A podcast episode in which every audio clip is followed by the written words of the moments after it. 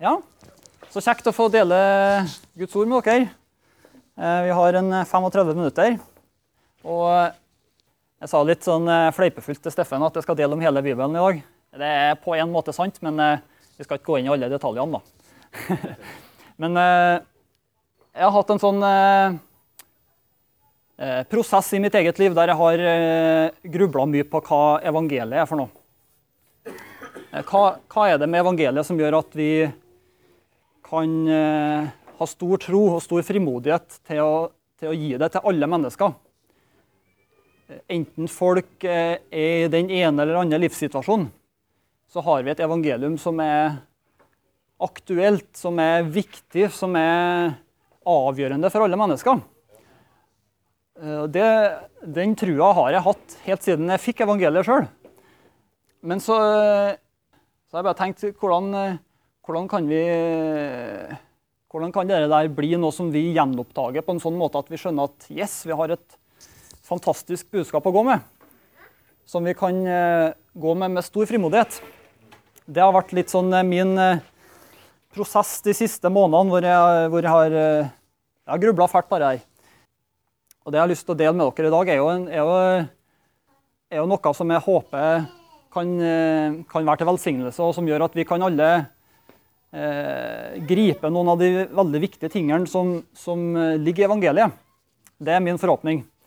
Så får Gud hjelpe nå å,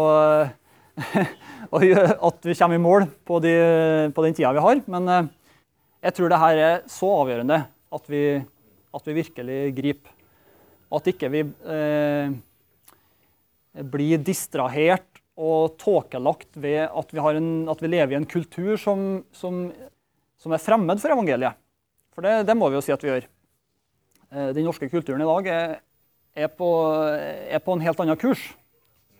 Men allikevel så har vi den så tett på oss at, at, det, at jeg tror det er viktig at vi, at vi trekker opp en del linjer for å, for å oppdage hva, hva er det ved evangeliet som, som er fantastisk både for oss og for alle som eh, ennå ikke har hørt det. For du vet eh, vi, vi lever jo en kultur som, eh, som på mange måter eh, er prega av, eh, av at vi hele tida skal ha fokus på oss sjøl. Det er på en måte en av de tingene som, som vi kan si at preger den norske kulturen i dag, er jo at, er at det, handler, det handler om meg. Meg, meg, meg. Det er gjennomgangstonen i, i det vi møter i media. Det er gjennomgangstonen det vi møter helt fra vi er liten av. At, at det handler om, om meg og mine rettigheter. Og om livet her og nå. Fortida, den er det litt sånn Der er jo eh, en sånn eh, ideologisk kamp om hvor, vi er, hvor er vi kommer fra. Kommer vi fra dyreriket, eller kommer vi fra verdensrommet, eller kommer vi fra Gud? Det er mange, mange meninger. Og, og på, mange, på mange måter den framtida òg er ikke noe som eh, det er ikke noe som mediebildet preges av. Eh, Hvis vi kan si noe om den norske kulturen som vi lever i, så, så handler det veldig mye om livet her og nå.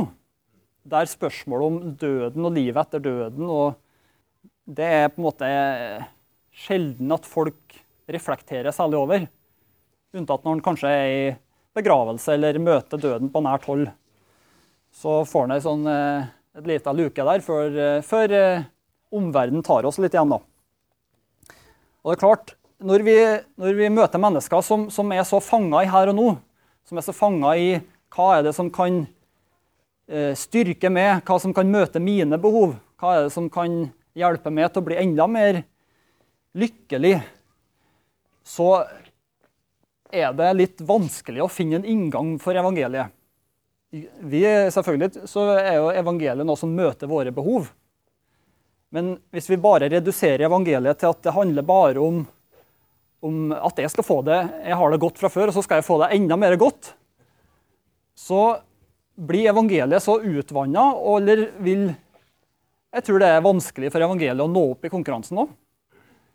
Fordi at eh, eh, denne verden, den, eh, med den velstand og velferdsordninga og alt det som det tilbyr, så, så er det mange ting i evangeliet som på mange måter blir begrensende i, i, det, i det verdensbildet. Da. Og da har jeg tenkt som så at da er sannsynligvis ikke meninga at vi skal drive og konkurrere på denne verdens premisser.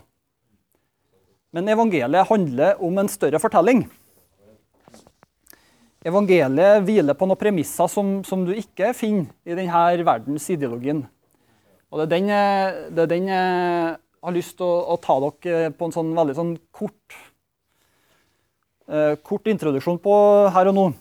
Sånn at, eh, sånn at vi skjønner litt mer av altså at vi klarer å plassere evangeliet. Er dere med på det? Kjempebra. Jeg har bare lyst til å lese et, et bibelvers først, som på en måte setter litt tonen. I første Kolossebrevet, kapittel 1, og vers 4 og 5, så snakker Paulus om tro, håp og kjærlighet. Og Det er jo sånne ting som mange av oss har hørt om før. Tro, håp og kjærlighet. Det er jo på en måte de tre sentrale tingene som Paulus nevner mange ganger. Og I vers 4 her så står det Han snakker jo her da til kolossermenigheten. For vi har fått høre om deres tro på Kristus Jesus og om kjærligheten dere har til alle de hellige, på grunn av håpet som venter dere i himmelen. På grunn av håpet. Så med andre ord det er et håp som er retningsgivende for alt som vi lever i her og nå. Og det er noe som vi skal dvele litt med i dag. Men hvis, vi, hvis jeg kan få lov til å bare presentere evangeliet da, i en sånn kortversjon. Sant? Er dere med? Fortid, nåtid og framtid. Det, det, er tre gode måter å se livet på. Vi har, har plassert oss sjøl i nåtiden.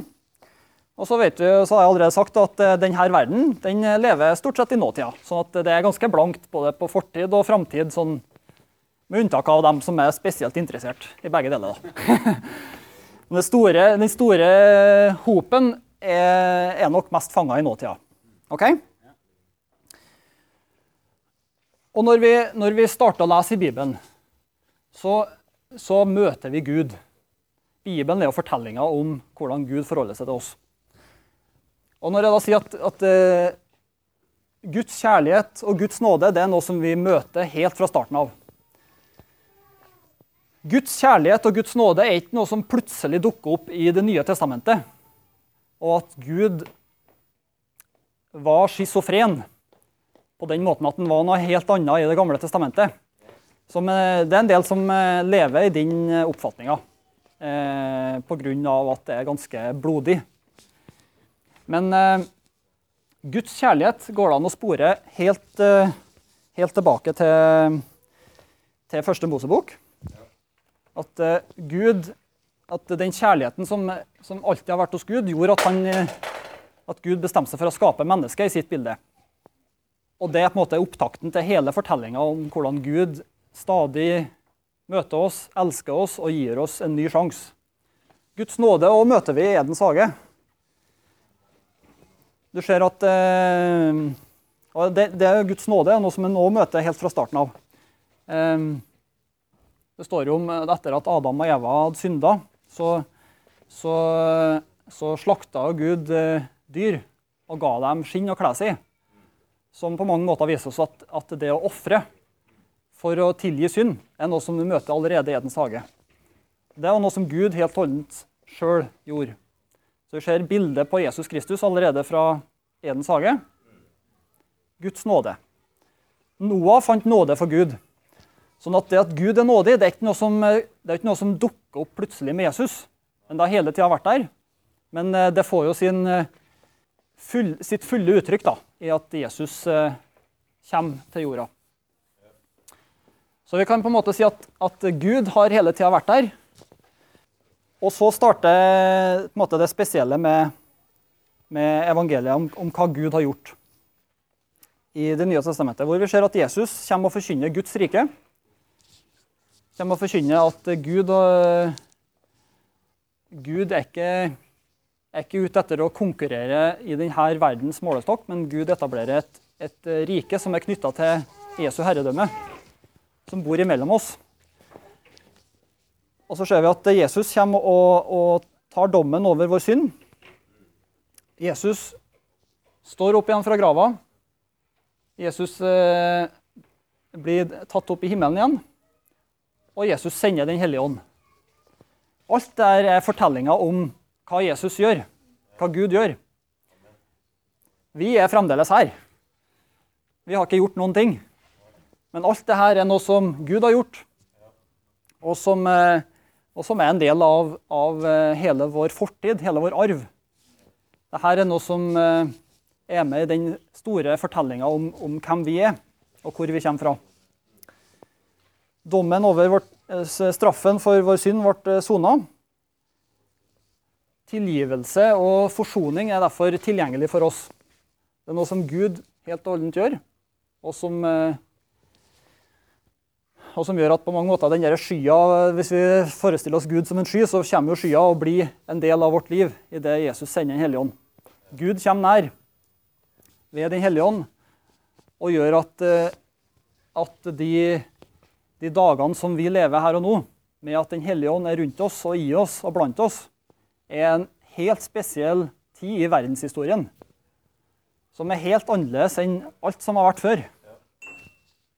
Og som gjør at det er mulig å tro at Gud helbreder, at Gud snakker til oss, at Gud er nær, og at Gud gjenoppretter hjertene våre. Så det er helt fantastisk. Så det er en, del av fortellinga. Men som, eh, som jeg leste om eh, i, i Kolossebrevet, så er det så er det noen ting som eh, springer ut av håpet som vi har.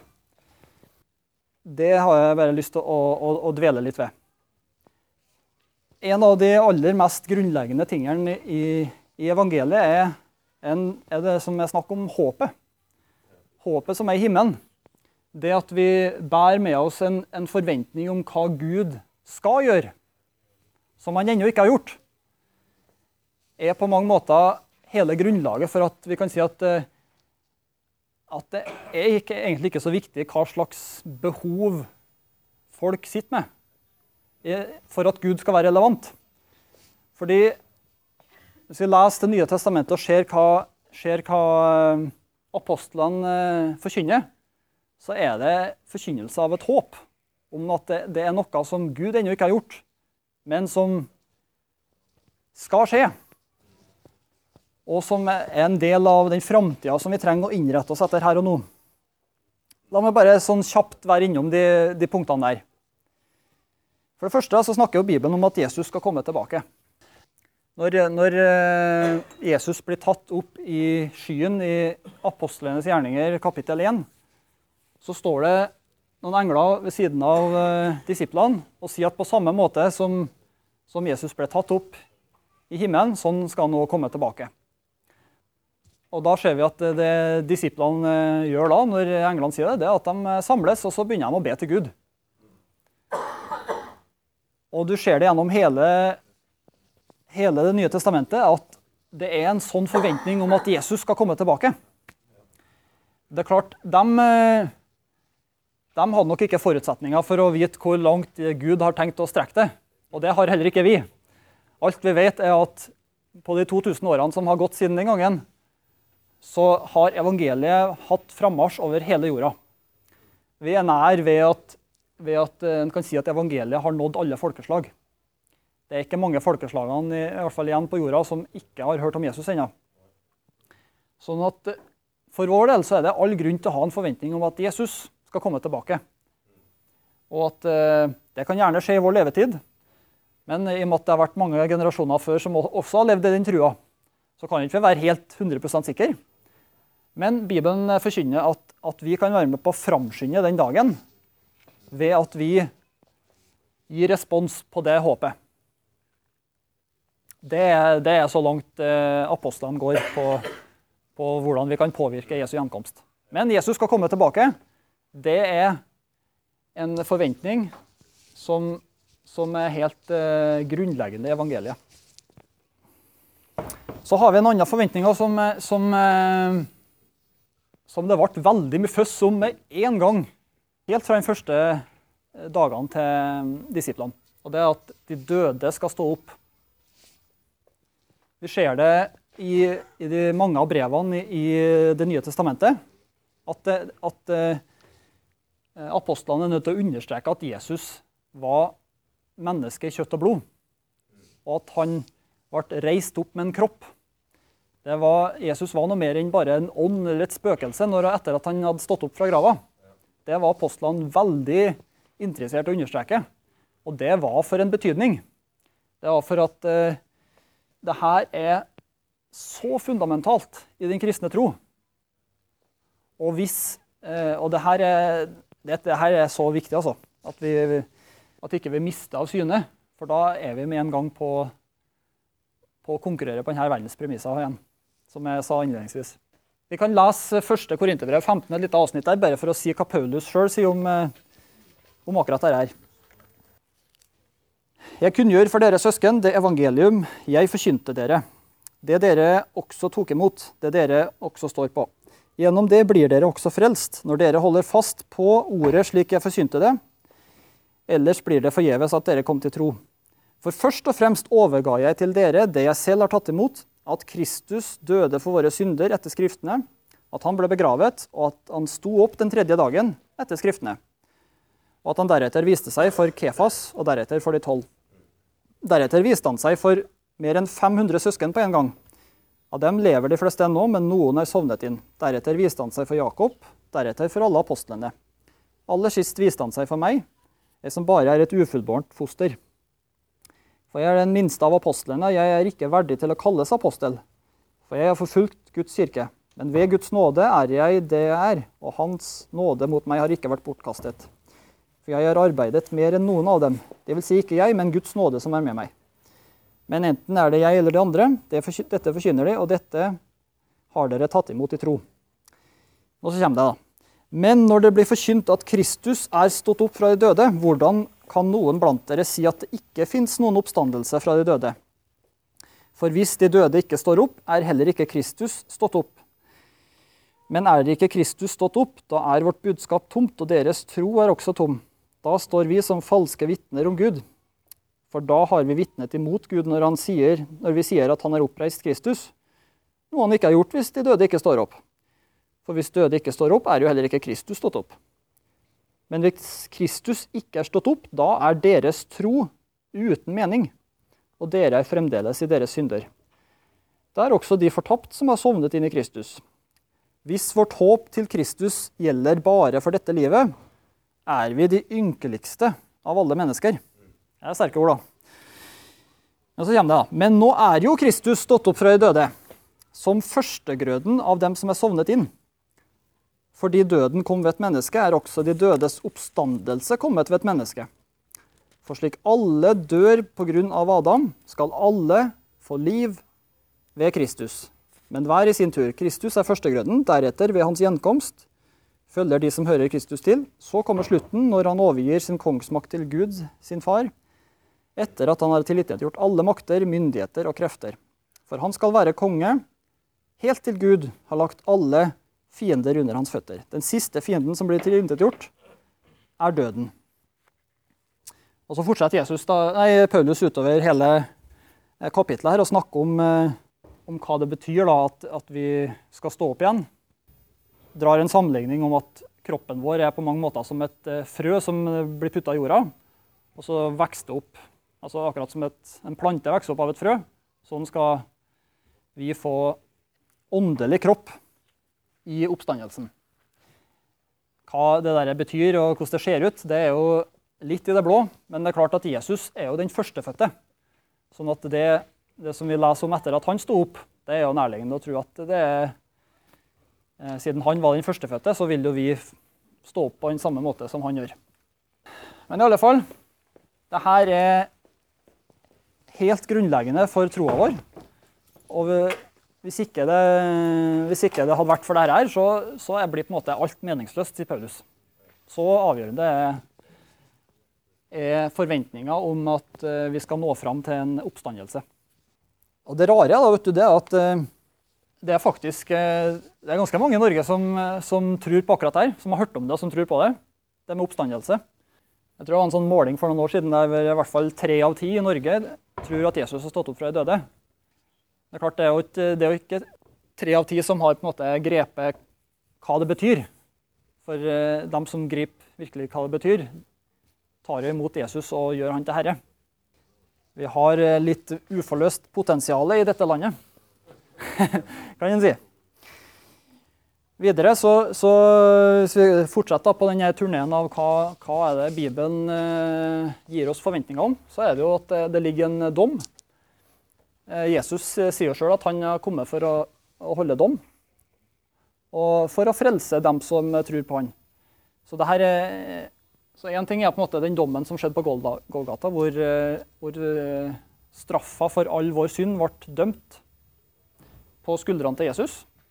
Men så lever vi i en tro om at det skal komme en, en dommens dag hvor, hvor, eh, Gud skal dømme jorda.